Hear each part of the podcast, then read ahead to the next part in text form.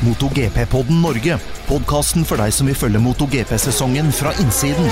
Programledere er TV-kommentatorer Stein Rømmerud og Dag Steinar Sundby.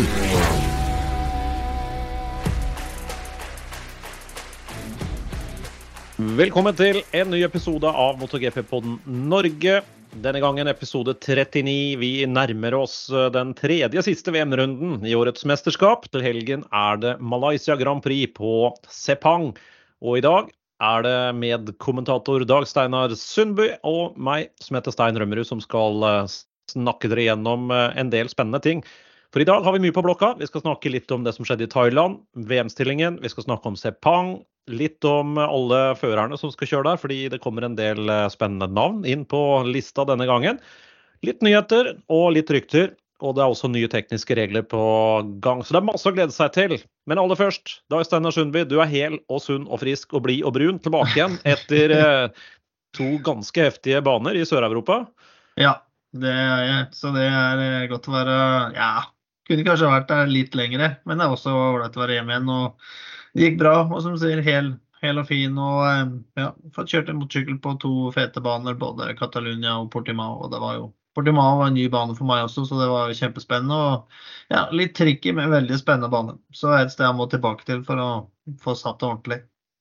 Ja, jeg har aldri kjørt der, men jeg har jo sett mange både onboard-bilder, onboard-videoer og ikke minst flere VM-runder derfra. Det, banen ser jo veldig heftig ut. Sånn høydeforskjeller, teknisk. Ja. Det går fort, og det er teknisk, og det er mye, mye morsomt. Mye morsomt, og du vil jo like det som er sånn Ringen-fan. Det går opp og ned og hit og dit og ja, veldig ja, Som vi hadde forventa, det er brattere enn det vi ser av TV-bildene og, og, sånne ting. Og, men jeg er superimponert hvordan de klarer også å ratte en GP-sykkel rundt på den banen så fort som de gjør, altså uten å, å ta av. Den er en veldig teknisk bane. Så eh, enda mer imponert over MotoGP-førerne nå etter å ha kjørt der sjøl og se hvordan de kjører der. Og eh, med de ekstreme kreftene, både kompresjoner over kuler og alt, og, hvordan de får det til. Det er helt ufattelig, egentlig. Men det alle MotoGP på den Norge-lytterne lurer på, det er fikk du begge hjula i lufta? Nei, det gjorde jeg ikke. Det kanskje var litt eh, i lufta begge to, men det var ikke over kule, fordi jeg traff Jeg var ute på ei pass der hvor det var litt opptørkende. Og da traff jeg en våt flekk i, i T-en i sving 1, og det ble litt mer spennende enn det jeg satte pris på. For jeg så ikke den. Jeg trodde det ikke var så vått. Så det, det Da kan det hende at begge hjula var i lufta lite grann. Så, men det gikk heldigvis bra. Men uh, våkna litt da, ja. Hvordan er den innbremsinga inn mot T1 der, den nedoverbakken? Den er, den er utrolig heftig, og jeg fatter ikke hvordan de MotoGP-gutta får ned hastigheten så mye som de gjør. De bremser jo etter kuren. Og det er som en sånn unnarenn i en hoppbakke omtrent, det føles som. Altså det bakhjulet blir veldig lett. Og nå ja, Jeg har vel ikke brukt bakbrems, jeg kjørte aktivt i 2003, men det må de gjøre på, på eh, Portimao-banen med en 1000 kubikk. altså det, det, må, det, må, holdes nede. Det er heftig. Ja, det er skikkelig heftig. Dette gleder meg til å høre mye mer om. Du hadde med stor gruppe med, med nordmenn. Var de fornøyd? Ja. ja, de var fornøyd. Så eh, det var jo en del som var litt eh, ja, mellomfornøyd det første økta. For det er jo vanskelig å finne rundt. Og dem, eh, det tar jo lengre tid å lære den banen i forhold til andre. men Siste dagen så eh, kjørte alle veldig mye bedre enn de gjør det første dagen. Har fått inn eh, banen og finne litt ut av det og sånt noe. Så det var progresjon var enormt bra, så, så, det gikk fint. Det er jo sånn på tekniske baner, det tar tid å lære, rett og slett. Ja. Og det har vi jo snakka om før på, på poden. Jeg har, siden sist så har jeg fått uh, pakke i posten. Ja, du har fått det. Den ja, elektriske pakken. Rett og slett en flatpakka svensk motorsykkel bygd i Spania. En Stark Varg 80 hesters eh, elektrisk crosser, så det har vært uh, montering på høygir her. Den var, var, ganske demontert. Jeg måtte montere alt av elektronikken måtte klikke sammen, og det var eh, inn med forhjul, og det var ja, det var litt sånn, og styret måtte på plass og handler og alt sånt nå. Men alt av bremser og sånn var jo ferdig i lufta. Og ja. litt annerledes. Det er jo bakbrems på venstrehånda og forbrems på høyrehånda. Ingen pedaler, ikke gir. Og, så jeg fikk fyr på den, og så ba han om uh, oppgradering av elektronikken. Og jeg oppgraderte, satte i gang. Men da var det full skjæring. Så nå har han låst seg.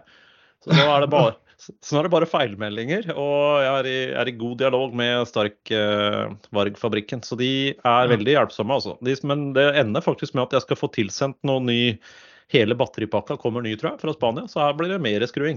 Ja, ja, ja. Det blir jo den uh, elektronikkeksperten da, før du får kjørt. Sånn er det, vet du. Bære, ja, for det hører, skal være bærekraftig. Ja, det høres hele fin ut. Jeg har ikke hørt noe om noen sykemeldinger eller noe ulykker, så jeg skjønner at du ikke har fått montert den helt sammen og fått kjørt den nå.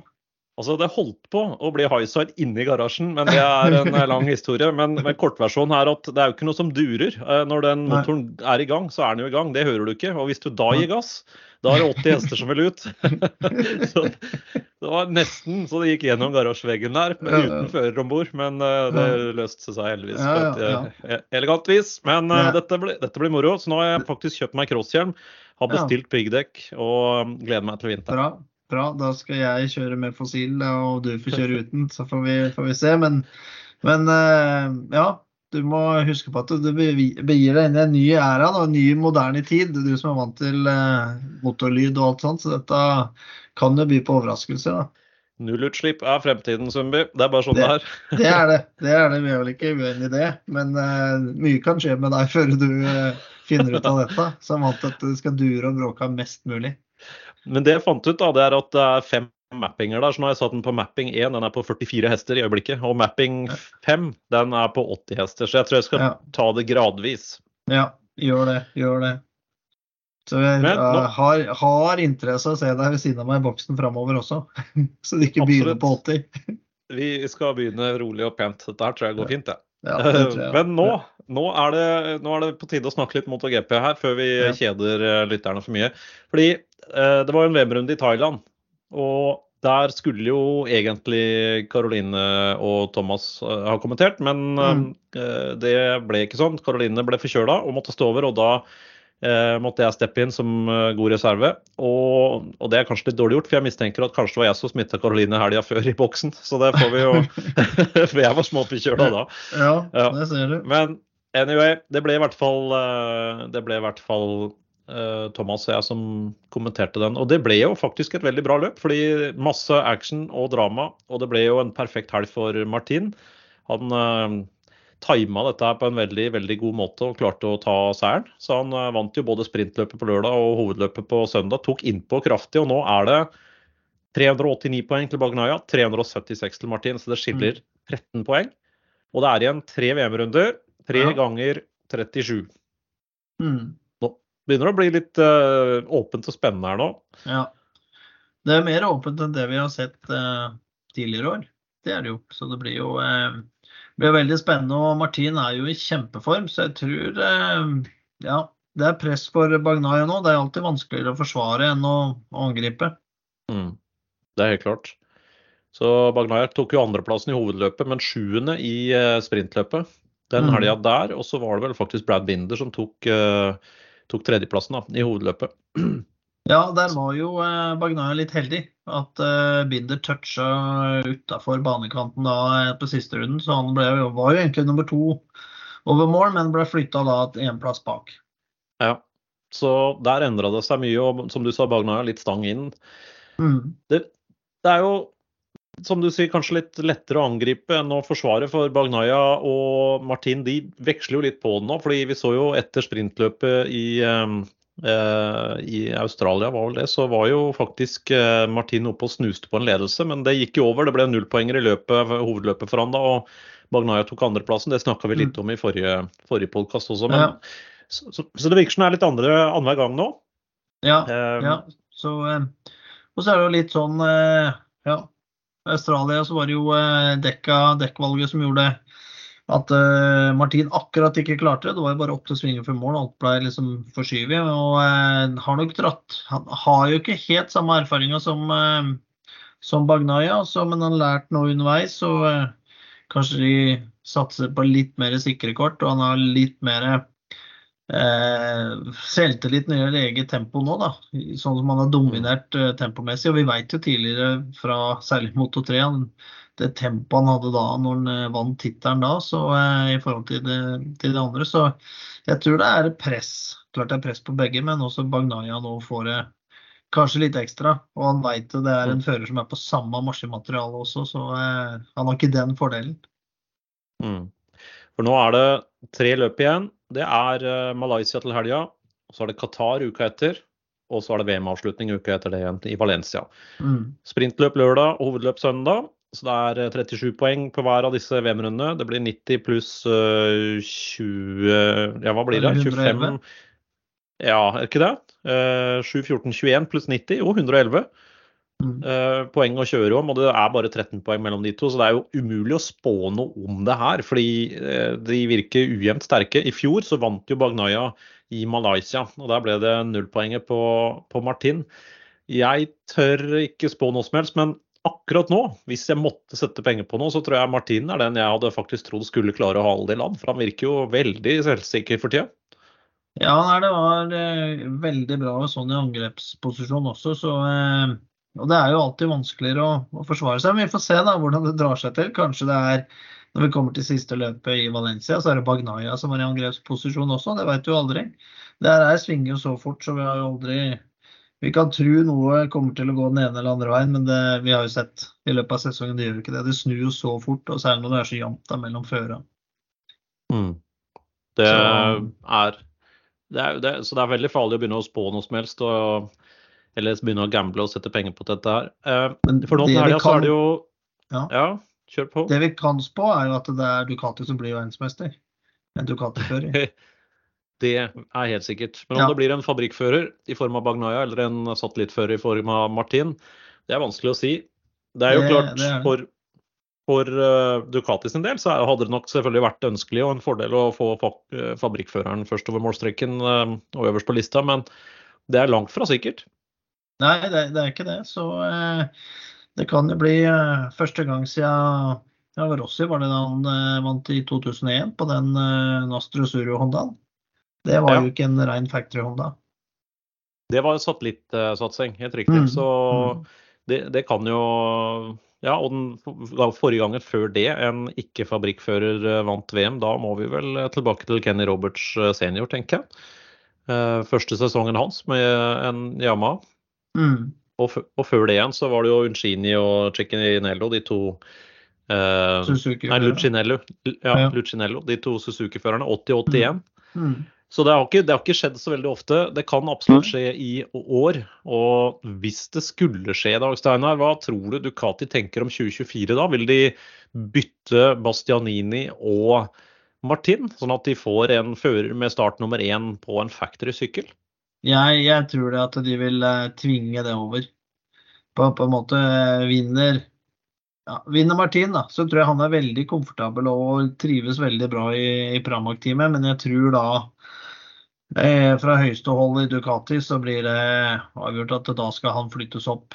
Og eh, mm. Bastianini til Pramac med samme maskinmateriale f.eks. At de, de, gjør en sånn switch. For at de vil da ha muligheten til å kunne fortsette å kjøre med nummer én på sin sykkel, sånn som Bagna gjør nå. Mm. Da vil de ha én og to faktisk i ja. teamet sitt. Ja. Og alt av PR-arbeid blir gjort med en fabrikkkledd fører, ja. og ikke en rød, hvit og blå Bramac-fører. Så det er klart for dem så ligger det jo fryktelig mye prestisje og markedsverdi i det. Så jeg er enig med deg. Mm. Jeg tror også det kommer til å skje hvis, hvis han vinner VM. Um, mm. Men la oss kikke litt på Malaysia, da. For nå er jo eh, den kommende helga så blir det jo nattsending. Og vi ja. har eh, Malaysia, Sepang. Den mm. ble jo bygget og brukt første gang i 1999, april 1999. Og har jo vært på VM-kalenderen alle år etter det, så det er 25 år siden. Bortsett fra eh, Eller 25 ganger, egentlig, bortsett fra de to pandemiåra. Eh, Herman Tilke-bane 5540 meter, så den er ganske lang. Og vi har eh, rundetid helt opp mot to minutter her. Um, bra grep i asfalten. Den er eh, Mange av førerne liker denne banen. Den har jo en god kombo av flere ting. Men uh, ustabilt vær. Det kan komme noen voldsomme ettermiddagsskurer på denne tida i uh, Malaysia. Kjennetegnes kanskje først og fremst av de to lange rettstrekene. Altså det er uh, den siste rettstrekket mellom sving 14 og 15. Og så er det mm. Hornål-sving i sving 15, til og med feildosert for sikkerhets skyld. Og så er det en start- og målslette som er omtrent like lang, nesten kilometeren lang, den rettstrekka her. 920 meter er vel lengste rettstrekke. Så eh, en bane som er by på veldig mye forskjellig. Og den har jo faktisk gitt oss en del bra racing opp gjennom åra. Ja, har jo absolutt det. Og det som du sier, det er en layout med som har, har, det meste, egentlig. Selv om det er en Tilke-bane som vi anser som stop and go eh, ofte, så er jo dette en av de absolutt favorittene også, da. Så det er eh, en unik bane som med mye kombinasjoner og, og har jo gitt mye bra racing. Så det, det blir spennende å se. Mm. Det er helt åpent igjen. Ja, og bra grep. Det er, vet vi jo er en fordel for uh, Honda og Yamaha. Mye av uh, si, ulempen de har, vil jo bli vanligvis litt utligna på en sånn type bane. Mm. Uh, men det er, det er, for tidlig å begynne å si så mye om hva ja. vi kan forvente oss denne helga. Det er nattsending, som sagt. Vi starter jo kvalik nummer én, Moto GP-kvalen. Den er 03.50 norsk tid, altså ti på fire om natta. Og deretter kval 2, den går kvart over eh, fire. Vi har Moto 3 klokka ti på seks, og vi har Moto 2 kvart på sju. Og så er det sprintløp i Moto GP, ti runder. Det skal kjøres klokka åtte på lørdag morgen. Løpstidene søndag, det er eh, klokka fem, Moto 3. Moto 2 er kvart over seks, og Moto GP klokka åtte skal kjøre 20 runder eh, i, i, løpet. Mm. Så det, det, er, eh, det, er, det vi har å by på der. Da blir det du og jeg da, som skal kommentere ja. opp tidlig på natta. Tidlig opp om morgenen. Det er jo mer på natta. ja, ja, det er jo faktisk ja. det. Vi har, gjort, vi har gjort, det før. Gjort det før. Det er siste i år, da. Det er jo, en, eh, det er jo mer behagelig sendeskjema fra Qatar og, eh, og Valencia. Så det her går fint. Ja, det er det også. Men når vi ser på startlista i MotoGP-klassen, så er det jo to-tre overraskelser her. Vi kan begynne hos eh, Ducati. Ducati tar med seg et testteam. Og det er ingen mm. hvem som helst som skal få wildcard denne helga her. Vi har sett det før. En nybakt verdensmester i World Superbike som er Alvaro Bautista. Han kjenner jo denne banen veldig godt. Han har kjørt her før, både i MotoGP og i Superbike-VM, og skal ja. nå kjøre. Og skal nå kjøre. Mm. Han skal kjøre Ducati, og han har jo også kjørt noen tester nå på Ducati tidligere år for å, for å komme inn i det. Han kjørte jo fort på Misano også, så eh, han, eh, han blir et spennende tilskudd. Og så se hvordan det er. Og det er jo lagt sammenligninger og spådommer. Kan det samme skje igjen som skjedde med Troy Baileys i 2006? Hva mm. tror du? Jeg tror ikke det. Eh, det var en helt annen sport i 2006 enn det det er nå. Det var mindre forskjell, tror jeg, å gå fra en Eh, en superbike-racer i Superbike-VM Ducati da, til den eh, Desmos Edicin som ble brukt på den tida. For da var det ikke ride height device, det var ikke Ero, det var ikke alle disse løsningene. Så jeg tror for det første at uh, teknologien er så ulik at det er vanskelig å ta steget over og være konkurransekraftig helt der oppe med en gang. Det er nummer én. Og nummer to, jeg tror faktisk nivået er høyere nå enn det det var i 2006 rent sportslig. Så mm. de, disse gutta nå, det er, det er, så jevnt. Det skiller så lite i toppen her. Så det å komme rett inn her og hevde seg fra første stund, det tror jeg ikke er realistisk. Men topp ti, det kan absolutt skje. Ja. ja, skal vi også huske at uh, Bautista har jo vært MotoGP-fører i mange år. Så uh, ja, han uh, Og noen kjørte jo Ja, det er vel ingen igjen som kjørte når han kjørte. Det er i så fall Marquez i så fall. Så mm, Godt poeng. Så eh, det er som du sier, den sporten har forandra seg og utvikla seg. Og forskjellene mellom superbike, eh, selv om Ducatien er utrolig bra der, og, og MotoGP er, eh, er, blitt større. Og, og, i tillegg skulle det være en sånn dream-scenario, at han er der oppe. Så er det to Ducati-førere nå som fighter om VM-tittelen, så han vil nok ikke blande seg inn der uansett. Men det skal bli spennende å se hvor fort han klarer å kjøre. Mm. Det er alltid gøy å se nye førere komme inn sånn og, og, hevde seg. Så det får vi jo svar på i løpet av egentlig fredagen, hva slags et grunntempo han har. Og så er det å begynne å jobbe derfra, da. Uh, uansett lærerik helg helt sikkert for Alvaro Batista. Det er et par andre navn som også kommer inn denne gangen. Uh, Alex Rins han er fortsatt skada. Det beinbruddet her det tar faretruende lang tid. Ja. Han får ikke lov til å kjøre denne helga heller. Nei, og eh, han blir nok faktisk ute resten av sesongen. Kanskje han kommer inn på siste for å kunne teste Yaman da på Valencia da etter siste løpet. Men eh, hvis den, den, ser også for seg et scenario hvor at det For det, det gror seg det ikke, han har ikke fått noe styrke i beinet nå. Så, så det kan hende at han blir sittende ute til testen på Sepang i januar-februar. Og da for å mm. få hvile og få bygd opp igjen og, og styrka bein igjen, da. Mm. Så det var jo et, eh, et komplisert beinbrudd han fikk. Han brakk jo både leggbeinet og skinnbeinet, altså begge de to mm. Eh, beina inni leggen. Og mm. det skal jo normalt sett gro litt raskere enn dette her, selv om det er, det er krevende når du brekker begge de beina inni leggen. Ja. Men dette, dette, har jo tatt veldig lang tid, så vi får jo håpe at det ikke er noen komplikasjoner vi ikke har hørt om her, eller betennelser eller andre ting som har vært eh, ja, karriereødeleggende for andre førere tidligere. Ja, jeg håper virkelig ikke det at det han får bygd seg opp og kommer tilbake igjen. Så, så raskt som overhodet mulig. Da, innen, ja, så det er forsvarlig. Vi har jo sett førere som mm. har kommet tilbake for tidlig. Ja, det, det, det er et veldig godt poeng. Ganger. Så er det Iker Ekuona som kommer inn fra Superbike-VM igjen og skal uh, gjøre et uh, ja, innhopp for å mm. uh, kjøre i stedet for, for Rins i det teamet. Ja, det, det er det. Så veit jeg ikke om Honda om de stiller med Bradel som man står på startlista. Det er jeg ikke sikker på. Det har jeg ikke sjekka ennå, så det får, vi, det får, vi, komme tilbake til. Så det er vel MotoGP-klassen. Og i Moto 2 så er det et veldig spennende poeng, og det er om Pedro Acosta sikrer uh, tittelen. Hvis han har mer enn 50 poengs ledelse når han drar fra Malaysia, så er det klart. Han har jo en ganske solid ledelse nå. Han har 300,5 poeng, mens eh, Tony Arbolini har 237,5. Så jeg tror vel at vi får en verdensmester i Moto 2 denne helga her. Ja, det, det, tror jeg også. Nå eh, vil han kjøre steady og bare få klinsja den, så at det er eh, gjort. Og så er det full av tak eh, og enda mer da de to siste løpa. Ja, så han kan gi fra seg 13 poeng til uh, Tony Arbolino og enda, enda vinne, da. Mm. Så f.eks. en, en fjerdeplass holder jo. Uh, da har han 13 poeng, og Tony Arbolino vinner. Han får 25, så da gir han fra seg 12, og da har han verdensmester med to poeng til gode. Så jeg mm. tenker, tror, tror, det der ganske Det bør gå hvis han holder seg på hjula, ja. Pedro Acosta.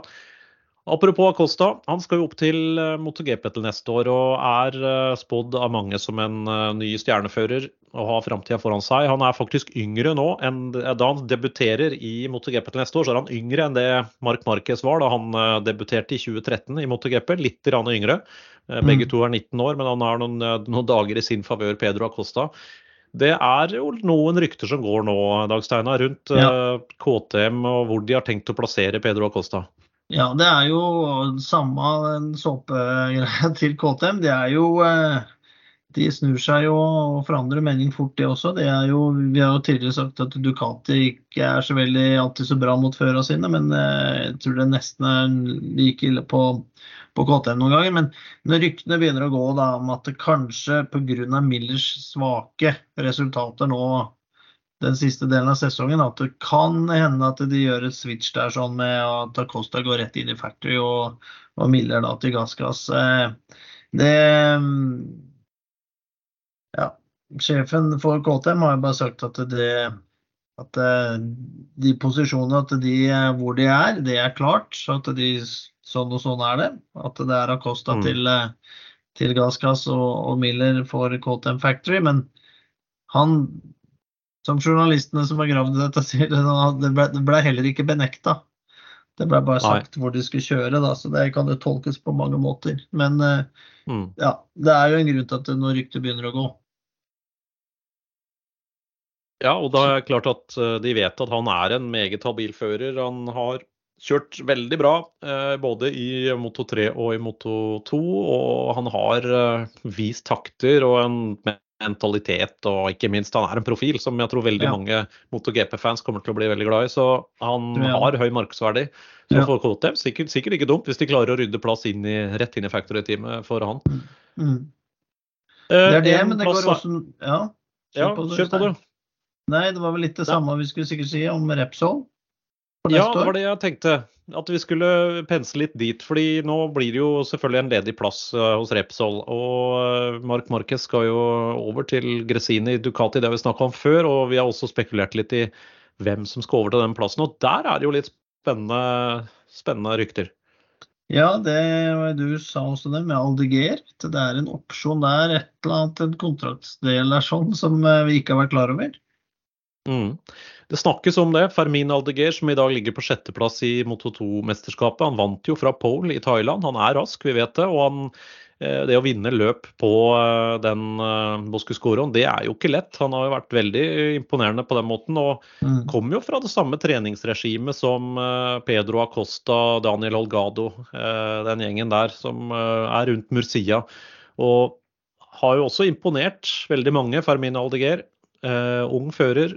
Og da, i så fall så betyr det at Repsol Honda vil satse på en ung spanjol med mm. potensial. Og det, ja. er et, det er jo et modig trekk, fordi de kunne jo selvfølgelig ha valgt en mye mer rutinert fører med mer erfaring som kunne hjelpe til med å utvikle Hondaen, men de kanskje heller satser på en helt ung, helt ung fører. Det er ikke bekrefta, dette er rykter som går, så vi mm. får komme tilbake til det så fort vi vet mer.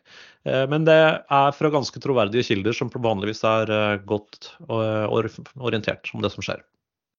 Ja, og det er jo sikkert ikke så lett å få noen andre toppførere inn på eh, Honda sånn det er blitt nå, da, når superstjerna Mark Marquez forlater Honda for å gå til en, et privatteam. da. Ja, det tror jeg så, du har, har rett i. Så det kan være også da med få inn en ung fører som kan uh, være med å bygge det her videre, og som også ja, kan brukes også mye som en testfører. Og så har de Mir der, som er verdensmesteren tidligere fra 2020. så ja, de må bygge stein på stein igjen, det er helt klart. Mm. Hvis du hadde vært uh, ansvarlig for førervalg i Repsol Honda, Dagsteiner, og det står da med valget mellom Fabio Di Gian Antonio og uh, Fermin Aldeguer inn på den sykkelen etter Marquez, hvem hadde du valgt? Jeg tror jeg hadde tatt uh, Gian Antonio. Jeg tror jeg hadde gjort nå, fordi Gian Antonio også har vært like god og vel så god som Aldeguer i Moto 2. Eh, og mm. har, nå et, eh, har nå erfaring i MotoGP-klassen og kommer rett fra Ducati og kan ta med seg litt informasjon over der sånn, som kan være bra i starten for å kanskje sette på rett vei. Da. Litt sånn som vi så skjedde helt i starten på sesongen med KTM med Miller sin hjelp, da, selv om Miller har droppa nå. Så jeg mm. tror jeg hadde valgt Gian Antonio. Vi har sett også han har potensialet når uh, han får kjøre fritt, liksom. Mm. Nettopp. Jeg tror jeg hadde valgt Nei, jeg hadde valgt Aldeger, og grunnen til det er at uh, Sarko tar med seg den Ducati-kompetansen inn til LCR Honda. Så jeg ville gitt ja. han en utvida testførerrolle. Uh, og bare rett og slett bygd den sykkelen så nært Ducati på geometri og på tekniske løsninger som mulig. Og så hadde jeg begynt helt på scratch med en fører som ikke har noen uvaner, ingen forventninger. Som bare syns det er utrolig spennende og morsomt å kjøre så fort som mulig med en MotoGP-sykkel. Et uh, blankt ark med fargestifter til. Med det ja, ja. Da blir det litt ekstra. Da blir det litt, da blir det litt ekstra. Ja, Det er vel det vi hadde på førermarkedet, men det skjer andre spennende ting. Det diskuteres også nå nye tekniske regler for eh, fremtiden. Eh, MotoGP-sykler er faktisk i ferd med å vokse ut av mange baner. Vi har sett mm. hastigheter på over 360 km i timen. 100 meter i sekundet. Avkjøringssonene begynner å bli for eh, små, og risikoen er høy nå. Det har blitt mer og mer skader, særlig pga. sprintløp og veldig tette løp osv. Så, nå er det nye ting på gang. Fra 2027 så kommer det nye tekniske regler. Og diskusjonene de går uh, varmt i øyeblikket. Det er en organisasjon som heter MSMA, som er Motorcycle Manufacturers Association. Altså rett og slett interesseorganisasjonen for fabrikkene. Som nå har uh, begynt å diskutere detaljene for de nye reglene fra og med 2027. Og et uh, forslag som ligger på bordet, som det ser ut til å bli flertall for, det er at man vil redusere sylindervolumet fra 1000 kubikk, som det er i dag, til 850.